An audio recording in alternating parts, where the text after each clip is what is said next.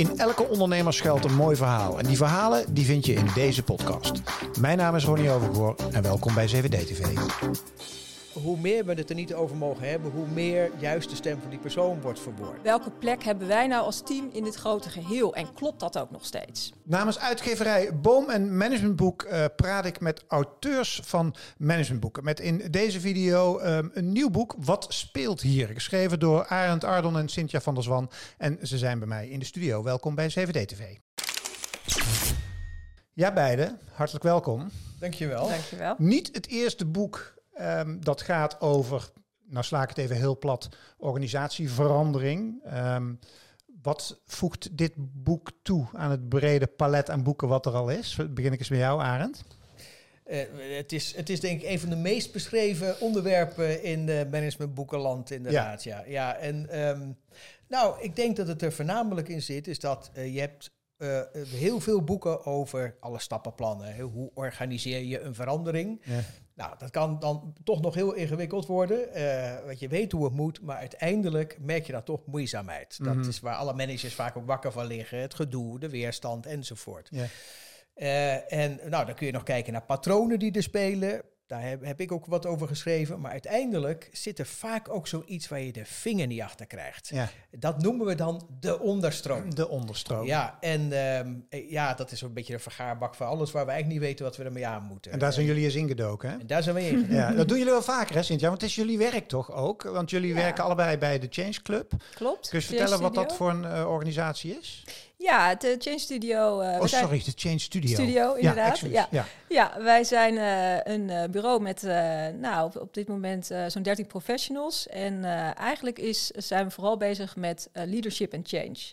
En um, nou, dat kan op vele vlakken zijn, vele or soorten organisaties. Mm -hmm. um, en inderdaad, ja, in ons werk gaat het wel regelmatig over die onderstroom. Juist uh, natuurlijk komen uh, klanten bij ons als ze zeggen, joh, we lopen een beetje vast in deze verandering. Of, mm. goh, we willen een ander soort leiderschap in or onze organisatie, maar hoe doen we dat nou op een goede manier? En um, nou, dan kom je inderdaad in dynamieken, patronen. Um, en uh, uh, soms ook dat mensen dat wij ook denken, ja, wat, wat is hier nou aan de hand? Mm, hè? Dus mm. de vraag wat speelt hier ja. Uh, ja, kwam al vrij hier? snel.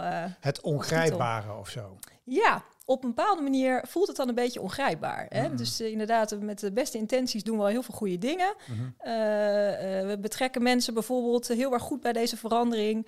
En toch is er maar die weerstand. weerstand. Ja. Hoe kan ja. dat? Ja. Ja, um, in het boek uitgebreid aandacht ook voor concrete uh, voorbeelden. Ik wil dus zo meteen ook even langs gaan bij jullie om een paar dingen. We gaan niet het hele boek behandelen, want één, dat gaan we niet redden. En twee, mensen moeten het vooral kopen, ja. uh, de, dat boek.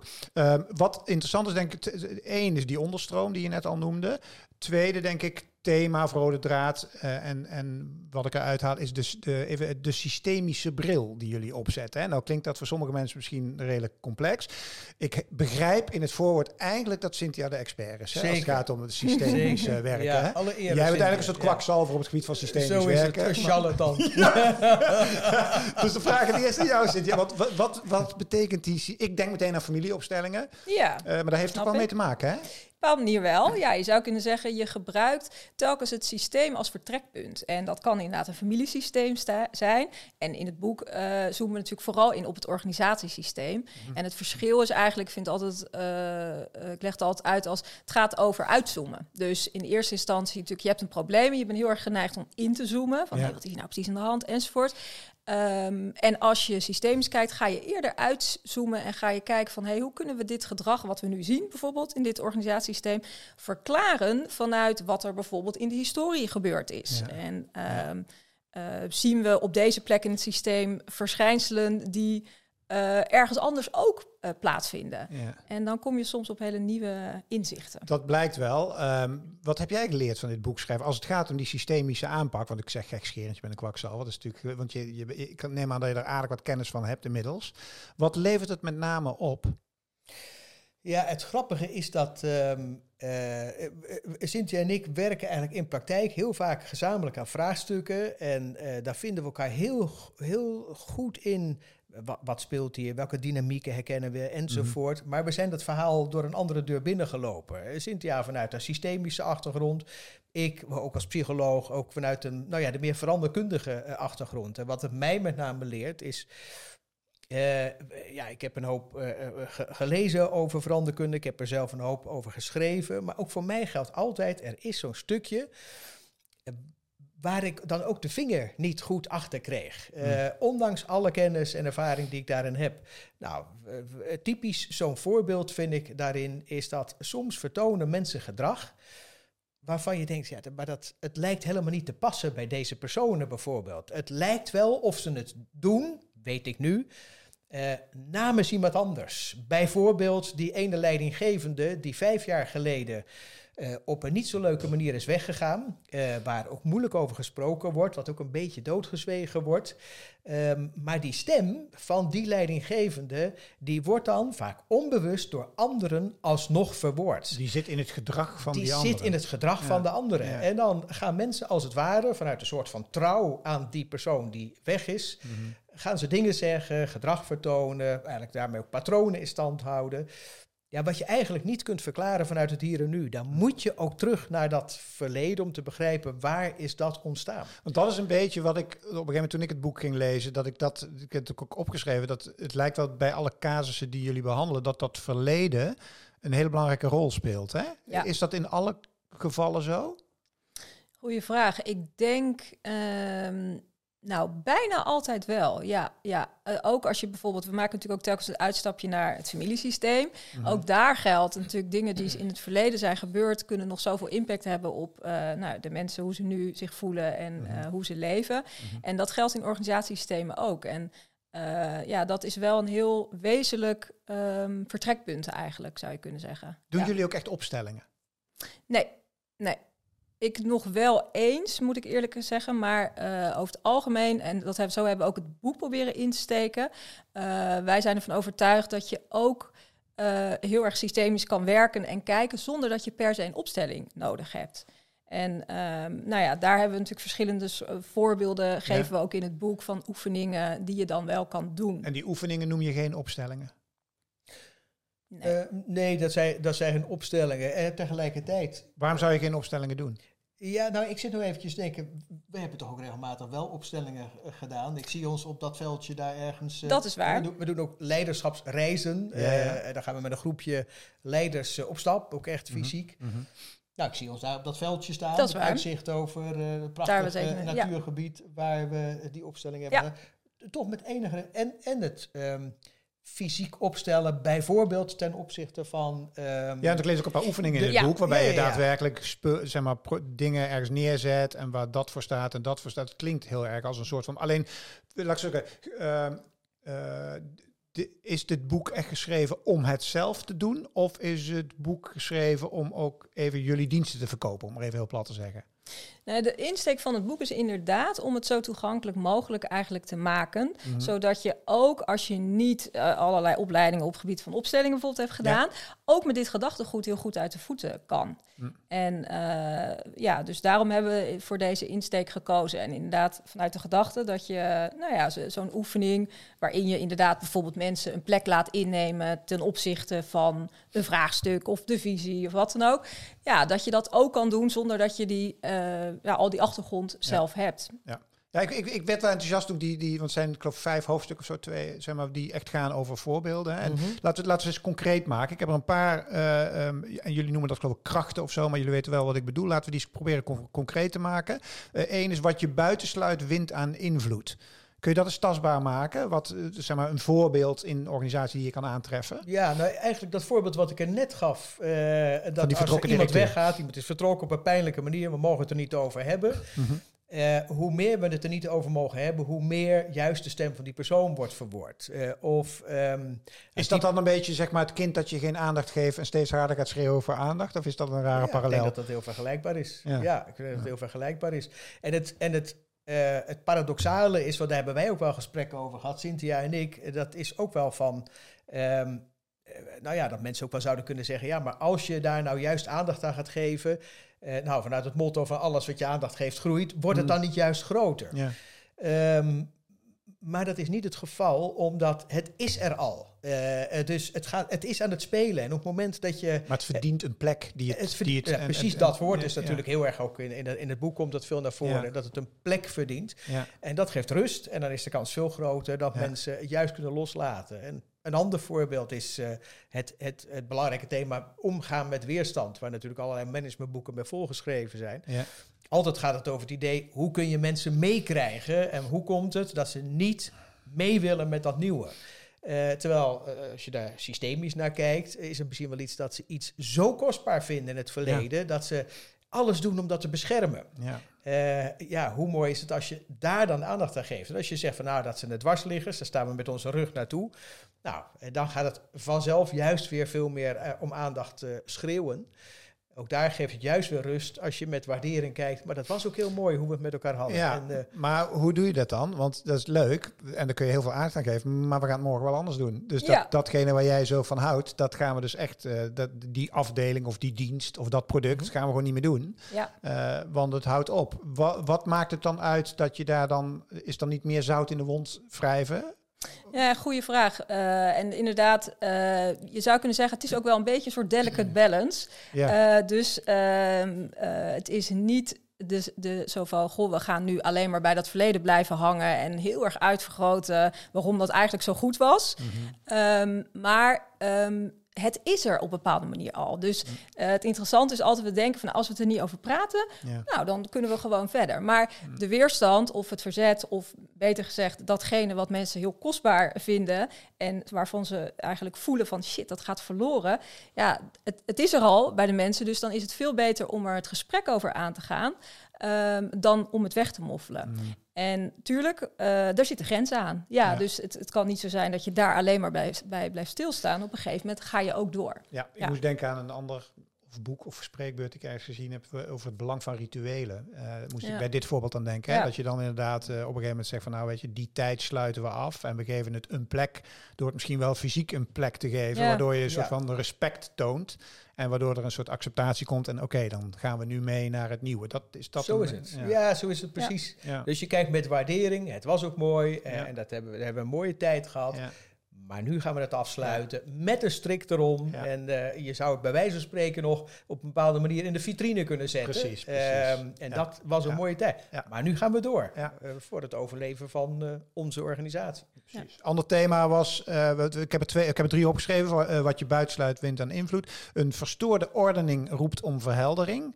Uh, en een disbalans wil zich herstellen. Dat klinkt, kunnen we wel, een verstoorde ordening roept om verheldering. Kun je die eens concreet maken? Een van jullie? Wie?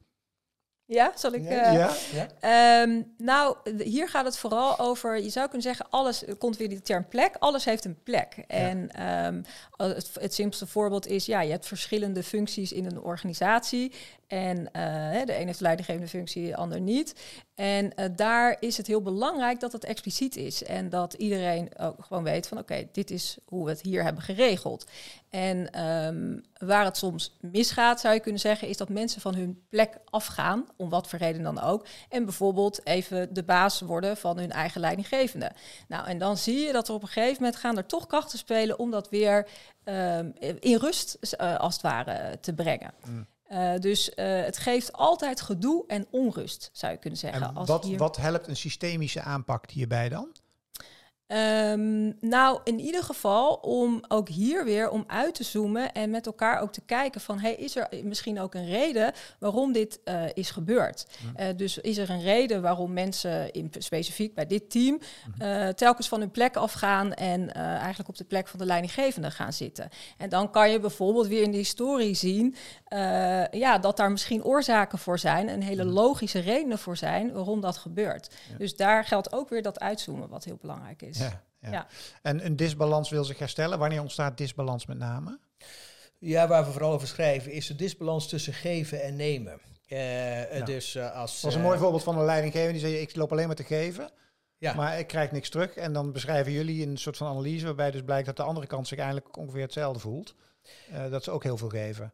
Ja, dat zou ook nog kunnen, inderdaad. En, en, maar vaker is het ook wel zo dat, dat, die, dat die balans, die wordt ook wel gevoeld. En het, en het rare is op het moment dat ik jou heel veel gegeven heb, dat is net zoals als wij vrienden zijn en ik blijf steeds maar allerlei dingen organiseren en er komt niks van jou en dan zit ik eens een keer en ik ben jou altijd aan het helpen als je in de problemen zit. En als ik eens een keer in de problemen zit, dan, dan in vriendschappen komt er niks van jou. In vriendschappen speelt dit ook. Absoluut, absoluut, ja. en als er nou niks van jou komt, dan gaat dat iets in de relatie doen. Nou, dat is ook inderdaad in, de, in, de, in organisaties waar mensen bij elkaar zijn. Er moet altijd iets van een soort balans. En die is nooit helemaal recht natuurlijk, mm. maar dat, dat beweegt een beetje, maar die moet er zijn. Mm. En zo kan het ook zijn dat als jij mij, stel dat jij een van mijn medewerkers bent en jij geeft constant heel veel aan mij, meer dan ik eigenlijk met salaris en al mijn aandacht kan, kan rechtzetten, bij wijze van spreken. Daar komt er een punt dat ik me daar opgelaten bij ga voelen. En want dan durf ik jou niet meer op iets wat je niet helemaal goed doet, uh, feedback te geven. Want ik, ja, je, je doet al zoveel. Uh, en op een cruciaal moment durf ik jou niet om nog eens een extra uh, inzet te vragen, want je doet al zoveel. Dus ook dat is helemaal niet plezierig. Um, het is goed om er altijd een soort balans in te houden. En als die er niet is, dan krijg je vanzelf krachten die die balans gaan herstellen. En hoe zorgen we ervoor dat die balans er dan is? Nou, een van de dingen is om het uh, bespreekbaar te maken. Dat is een, een, een, een, thema wat heel veel in ons boek naar voren komt. Hè? Het aanzien, het beschrijven, het aandacht geven. Uh, en ook domweg met elkaar bespreken van, joh, ik merk dat ik, uh, je, je geeft zoveel. En dat begint eigenlijk op een punt te komen dat ik jou niet meer uh, daar, dat recht kan zetten. En um, zullen we daar het gesprek eens over aangaan? Want dat gaat ook invloed hebben op uh, de kwaliteit van onze samenwerkingsrelatie. Ja, en ook daarin weer het uitzoomen van wat zit er achter dat gedrag. Hè? Van ja. waarom geeft iemand zoveel? Of een hele afdeling. Of wat dan ook ja. misschien weer met historie te maken Precies. heeft. Zeker. Waardoor er misschien ergens in de historie een soort uitstaande schuld is geweest. Precies. En uh, toch mensen onbewust iets goed proberen te maken vanuit het verleden. Ja. Een leuk onderdeel, uh, eh, CVD-TV is natuurlijk een ondernemerskanaal. Uh, en uh, ondernemers die houden nogal van vaart maken en uh, zeg maar een tempo maken. Dus ik vond het onderdeeltje voor de kritische lezer vond ik erg leuk in het boek. dus die heb ik er ook een aantal van doorgeschreven. Oh, ja. En laten we dat als één onderwerp pakken, want ik heb daarna nog um, een aantal of een paar andere onderwerpen die ik ook nog wil behandelen. Maar dat onderdeeltje kritische lezers vond ik leuk. Ik noem er een paar die jullie gegarandeerd natuurlijk wel horen. En ook mensen die nu zitten te kijken misschien wel beginnen te denken van één, ja maar gast. Uh, dit vertraagt enorm. Uh, twee, uh, het is allemaal wel, het is, ik ben geen therapeutische toestand, weet je, het is allemaal psychologie en hallo, weet je wel, er moet gewoon geld verdiend worden. Nog een paar, hallo, hallo, we hebben toch een arbeidscontract, daar staat toch in wat je moet doen. Ja. ja dat mouw is niet zo. Ja, aan, aan het werk. en oh ja, en dat is dan eentje die denkt echt ver te zijn. Denk, we hebben onze values en we hebben allemaal gedrag afgesproken, mooi document en een brandboek en alles. En dan uh, moet het toch allemaal wat duidelijk zijn. Nou, dat zijn maar een paar geluiden die ik uit dat boek uh, uh, las van kritische lezers. Um, hoe gaan we daarmee om? Want dit zul je vaker horen. Ja, nou het eerlijke verhaal is, is dat wij zelf die gesprekken ook hebben gehad. Hè? Want we beschrijven het. We, uh, maar wij hebben natuurlijk ook verschillende petten. We zijn niet alleen vanuit de systemische bril in de praktijk. We zijn niet naïef. We, we lopen volop in de praktijk rond. Dus nou, laat ik voor mezelf uh, spreken. Uh, ik kan dan ook wel zoiets hebben van ja jongens, maar je kunt niet eindeloos blijven praten. Op een gegeven moment moet je ook doorpakken. Ja. Um, uh, en, en tegelijkertijd, iedere keer uh, dat antwoord, het daar met elkaar over hebben, dat was al heel erg uh, wezenlijk. Om te zeggen van ja, dit is een kritisch punt, daar, dat herkennen we zelf ook, maar hoe zouden we daar dan op reageren vanuit de manier waarop we hier schrijven? En eigenlijk is, is mijn belangrijkste les hieruit steeds weer dat um, als je iets geen aandacht geeft, wat in de onderstroom wel blijft spelen, ja, dan heb je nu het gevoel dat je vaart maakt, maar je zult iedere keer hetzelfde energieverlies hebben. Je zult iedere keer weer tegen diezelfde weerstanden aanlopen. Je zult steeds weer dezelfde frustraties of dat ongemak ervaren. Ja, dan uiteindelijk gaat het helemaal niet snel. Soms moet je nu iets doen, moet je nu hmm. vertragen, uh, zou je kunnen zeggen, om daarna des te beter te kunnen versnellen. Hmm. Werkt het bij elke organisatie? Want als ik Um, maar dan moet ik oppassen wat ik zeg hoor. Maar er zijn verschillende soorten organisaties in Nederland. En ik, ik schets wel eens aan de ene kant heb je het vaak uh, grote organisaties, uitvoeringsclubs van uh, overheden, die gewend zijn om heel veel te vergaderen, heel veel te praten. Past dit boek perfect in jullie naar binnen? En doen we een half jaar een heel programma. Ik, ik chargeer bewust. Hè? Aan de andere kant hebben we de ondernemer, actie in de taxi, uh, mannetje of 20, 30, niet lullen maar poetsen, die zoiets hebben van gast wat is dit voor een gedoe? Kun je zeggen dat er geschikte en minder geschikte organisaties zijn voor jullie aanpak? Nou, ik zou niet per se willen zeggen uh, de organisatie is geschikt of niet geschikt. Uh, het begint er denk ik wel mee dat er iemand in die organisatie is die ervoor open staat om op deze manier te kijken. Mm. En dat kan in, wat mij betreft, in elke soort organisatie. En ik herken wel wat je zegt, dat misschien de kans in een bepaalde organisatie groter is dat er dat soort mensen werken dan in andere. Nou, ik, ik, zeg het bewust, omdat aan de ene kant, uh, jullie kennen die organisaties, met name die grote. Mm-hmm. Maar als we kijken naar, ik zit bijvoorbeeld veel in de bureauwereld. Uh, weet je, in de mediawereld, in de reclamewereld. Veel jonge mensen. Uh, als we het hebben over onderstroom, dan speelt daar natuurlijk ook uh, heel veel. Hebben jullie, daar, hebben jullie een heel breed palet, even niet als auteur hoor, maar ook als dienstverlener. Mm. Hebben jullie een heel breed palet aan klanten waar jullie dit mee doen? Ja, ja. ja we, we, we komen, eigenlijk hebben we geen specifieke uh, klantgroepen. We komen eigenlijk in, in, in, in principe alle sectoren zo'n beetje waar, uh, waar je in Nederland zou kunnen werken. Uh, en um, wat ook zelden zo is, is dat als je binnenkomt, dat je zegt van, nou, zullen we eens eventjes de onderstroom gaan bespreken? Of we worden uitgenodigd om de onderstroom. Soms kan je wel uitgenodigd worden van, goh, de, de spanningen lopen op, um, de samenwerking gaat beroerd. Nou, dan kan het best zijn dat je al redelijk snel bij die onderstroom terechtkomt. Maar normaal gesproken worden we uitgenodigd om... Uh, eh, beweging te creëren. Om zeggen, we willen kijken hoe we innovatiever nog kunnen worden. hoe we het ondernemerschap kunnen versterken. Ja. En gaandeweg kom je er dan achter dat er ergens, we maken best wel stappen voorwaarts, maar, ergens zit er een plafond. En je komt daar maar niet doorheen. En uh, dan heb je eigenlijk direct, omdat daar ook frustratie dan vaak ontstaat, van we komen niet goed verder, we krijgen die snelheid er niet goed in. Dan heb je direct aanleiding om te zeggen, maar zullen we dan eens even vertragen en met elkaar kijken, wat speelt hier nou? Wat speelt hier nou? Kan het ook moeilijke consequenties hebben? Want in, in het boek lees ik veel van. Ik moet zeggen, als ik die voorbeelden lees en op een gegeven moment een soort van analyse, dacht ik, oh ja, tuurlijk, weet je wel, dit speelde er. En als we dit nu aanpakken, dan lost het op. Maar kan het ook zijn dat je harde conclusies moet trekken? Als je, het eh, kan natuurlijk, ja, ja. En, waar denk je dan? Uh, ja, ehm, als die tien mensen van die afdeling uiteindelijk toch niet meegaan, dan moeten ze eruit. Of, of dus mensen die weg moeten bijvoorbeeld. Dat, daar zit ik in eerste instantie aan te denken, dat je moet slachtofferen. Hm. Of, of, of is het altijd zo dat je met de club waarmee je de verandering ingaat, hè, waarmee de mhm. behoefte is om die transformatie te doen, of noem het maar, dat je ook altijd met die hele club door kan? Dat is misschien wel een concrete vraag. Of kan het ook zo zijn dat je na zo'n traject zegt van ja, maar dan zullen er toch van die 200, zullen er misschien wel 20 gewoon zeggen van jongens, dan pak ik mijn biezen. Ja, ik heb wel een antwoord op, maar ik ben eigenlijk wel benieuwd hoe jij dat ja. ziet, Cynthia. Nou ja, ik denk dat het wel uh, uh, kan. Ehm, maar uh, ik merk dat ik een soort haper in dat daar dan een link ligt met de onderstroom. Zo van, oh ja, als je de onderstroom bespreekbaar maakt, ja, dan kan het zomaar. Mhm. dus ik denk in zijn algemeenheid dat het natuurlijk kan uh, dat je op een gegeven moment met elkaar constateert, wacht even, dit werkt niet meer op deze manier. Of we hebben te veel mensen enzovoort. Maar voor mij ligt daar niet direct een link met de onderstroom bespreekbaar maken. Nee. Dat zou mijn antwoord zijn. Jij? Ja, nou, dit kan ik me wel eh, voorstellen. Maar er is, er is natuurlijk, eh, kom, komen er situaties naar voren als je merkt dat je maar niet verder komt. Ondanks het feit dat je uh, alle aandacht hebt uh, gegeven en dat mensen toch maar niet meebouwen aan die toekomst. Ja. ja. dan moet je als ondernemer bijvoorbeeld, maar niet als ondernemer, moet je een ander soort beslissing nemen. Ja. ja. Of je nou ook een systemische bril tot je beschikking hebt of nee, niet. Precies. Ja. Dus het staat los eigenlijk van de ja. Ja. Ja, ja, ja, was de rol van leider, uh, van leiderschap? Ja, die hele is, open uh, vraag dit. Ja, nee, die is heel, heel open. Maar ik, ik koppel hem maar eventjes aan het onderwerp waar we het hier over hebben. Ja. ja um, uh, ik denk dat je als leider hier een ongelofelijke voorbeeldrol in hebt. Ook al vanuit de plek die je hebt. Je hebt de plek in de ordening uh, waar voorbeeldgedrag uit voortkomt. Mm. Uh, en op het moment dat je merkt dat er onderhuidse spanningen zijn. Dat er dingen spelen. Maar dat je het gevoel hebt dat in het werkoverleg andere dingen worden besproken dan eh, in de wandelgang bijvoorbeeld.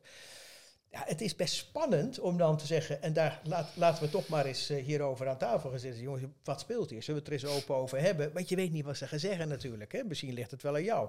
Ja. Ehm, maar eh, ja, uiteindelijk, je bent ook verantwoordelijk voor dat het systeem gezond blijft. En dat je met elkaar in een positieve flow blijft. Mm ja, daar heb je een waanzinnig grote voorbeeldrol, uh, vooral in, uh, als leidinggevende. Mm. Ja, en misschien aanvullend, um, op een bepaalde manier ook wel, als je het vanuit systemisch oogpunt bekijkt, een soort bewaker. Hè? Dus je, je bent ook, uh, als je je team hebt, ben je ook wel een bewaker van, oké, weet je, gaat het nog allemaal goed in dat team? Komt er voldoende binnen, maar niet te veel? heeft iedereen in mijn team een duidelijke rol en plek? Mhm. Voelt iedereen zich goed? Dus Um, daarin uh, inderdaad voorbeeldgedrag en ook heel erg de rol van welke plek hebben wij nou als team in dit grote geheel en klopt mhm. dat ook nog steeds? Mm -hmm. En dat continu in de gaten houden, zou je kunnen zeggen. Ja, de kracht van, denk ik, de, de, de visie die jullie in het boek beschrijven, is dat je verder gaat dan symptoombestrijding, hè, wat mhm. er heel vaak gebeurt binnen bedrijven. En dat je echt gaat kijken naar wat zit er nou achter. Wat, wat me net ook te binnen schoot is van, je hebt ook een, uh, ik ben geen psycholoog hè, en al helemaal geen dat ben jij wel hè, zei je net, ja. Dat je hebt ook zo'n stroming die zegt van, joh, uh, dat is, ik geloof dat positieve psychologie of zo heet. Hè? Die mhm. zegt van, uh, iemand die zei mij ooit een metafoor van, je rijdt in het bos en in één keer is je band lek. Dan kun je het hele bos gaan uitpluizen van, wat is als nou de oorzaak dat mijn band lek is gegaan. Maar je kan hem ook gewoon oppompen, dan kun je weer doorfietsen, een beetje dat. Kom je die ook wel eens als kritisch geluid tegen? Van ja, jongens, al dat geanalyseerd we kunnen wel naar het verleden kijken en zo. Maar weet je, uh, ja. zullen we gewoon naar morgen gaan? Ja. Zeker. Ja, volgens mij is letterlijk ook inderdaad een van die kritische stemmen die wij uh, ook al hebben omschreven. Ja. En uh, wij zeggen ook altijd van ja, als, als inderdaad in dit voorbeeld gewoon je band plakken de goede oplossing is, vooral doen. Hè? Mm. Dus het is niet een soort doel op zich om in die onderstroom maar te gaan onderzoeken. Uh, het gaat dus echt over de situaties waarin je merkt van ja, we hebben al van alles geprobeerd en op, op een gegeven moment het lukt niet en we blijven maar vastlopen in hetzelfde. En dan is het interessant om, uh, om verder te kijken. Ja. Hey, als auteurs, want jullie hebben ook nog werk te doen, hè? Ja. Uh, hoe was dat? Hoe lang zijn jullie bezig geweest met het boek? Een jaar, maar niet fulltime. Hoe gaat zoiets? Ja, dat is een goede vraag. Het ging heel soepel vooral. Ja, eh, maar wie is het dan zoveel? Doe jij dit hoofdstukje en deed jij dit paragraafje? Of hoe werkt dat dan? Of is het één document waar je samen aan werkt? Of? Nou, laat ik beginnen met te zeggen, er zijn maar heel weinig mensen met wie ik samen een boek zou kunnen schrijven. Heeft waarschijnlijk te maken met mij. Uh, maar met Cynthia ging dat heel goed. En... Uh, ja, we, hadden eerst een kapstok. Ja, zo, dus dus we, welke onderwerpen willen we in ieder geval in welke hoofdstukken doen? Nou, je hebt gelezen, uh, het begint steeds met een praktijkvoorbeeld. Ja. En dan kijken we eens hoe, uh, uh, hoe dat eerst in de, in de normale mainstream veranderkunde, hoe er met zo'n situatie omgegaan wordt. Bijvoorbeeld omgaan met weerstand. En dan komt meer de systemische bril. Nou, de, nadruk van onze schrijverij ligt uh, uh, bij mij in het eerste deel van het hoofdstuk. Dan de systemische bril meer bij Cynthia. En daar zijn we vervolgens ook weer bij elkaar stukjes gaan schrijven. En um, ja, en, en, en, we hadden zo'n zo'n Google Docs, weet je wel, waar we gewoon tegelijkertijd gezellig in uh, zaten. We hebben maar twee keer fysiek bij elkaar gezeten. Voor de rest altijd in het Google Docs, regelmatig bellen en, weer, en weer door. hoe dat tegenwoordig kan. Ja, ja. En er waren ook wel momenten, moet ik je eerlijk zeggen, dat ik dacht, poeh, dit wordt, wordt een soort chaotisch, dit hele document met natuurlijk wat allemaal opmerkingen naar elkaar toe. En dan is het wel mooi om te zien dat het eigenlijk, oh ja, het komt toch samen. Het is een heel gestructureerd boek. Wat zeg je? Het is een heel fijn ja, lekker, hè? Ja, dat ja, leuk om te horen. Ja. Hebben we reuze ons best op gedaan. Ja. Geluk. Mag ik jullie danken uh, voor jullie gesprek en heel veel succes met de, met de verkoop van het boek. Dankjewel. En uh, dankjewel voor het uh, kijken of luisteren als je naar de podcast hebt zitten luisteren namens Managementboek en uitgeverij Boom. Want zij maken samen met CVD-TV deze serie waarin ik met boeiende auteurs praat over hun boeken. En in deze aflevering stond het boek Wat speelt hier centraal van Arend Ardon en Cynthia van der Zwam. Dankjewel voor het kijken. Laat een review uh, in de podcast. Ik ben heel benieuwd wat je van 7D-TV en van de video's en de gesprekken vindt. Voor nu, dankjewel. Hoi! Dit was weer een mooi verhaal uit de podcastserie 7D TV. Vergeet ons niet te volgen en laat me ook weten wat je van 7D TV vindt. Elke dinsdag en elke donderdag ben ik hier met een nieuw ondernemersverhaal. Voor nu, dankjewel voor het luisteren. Hoi!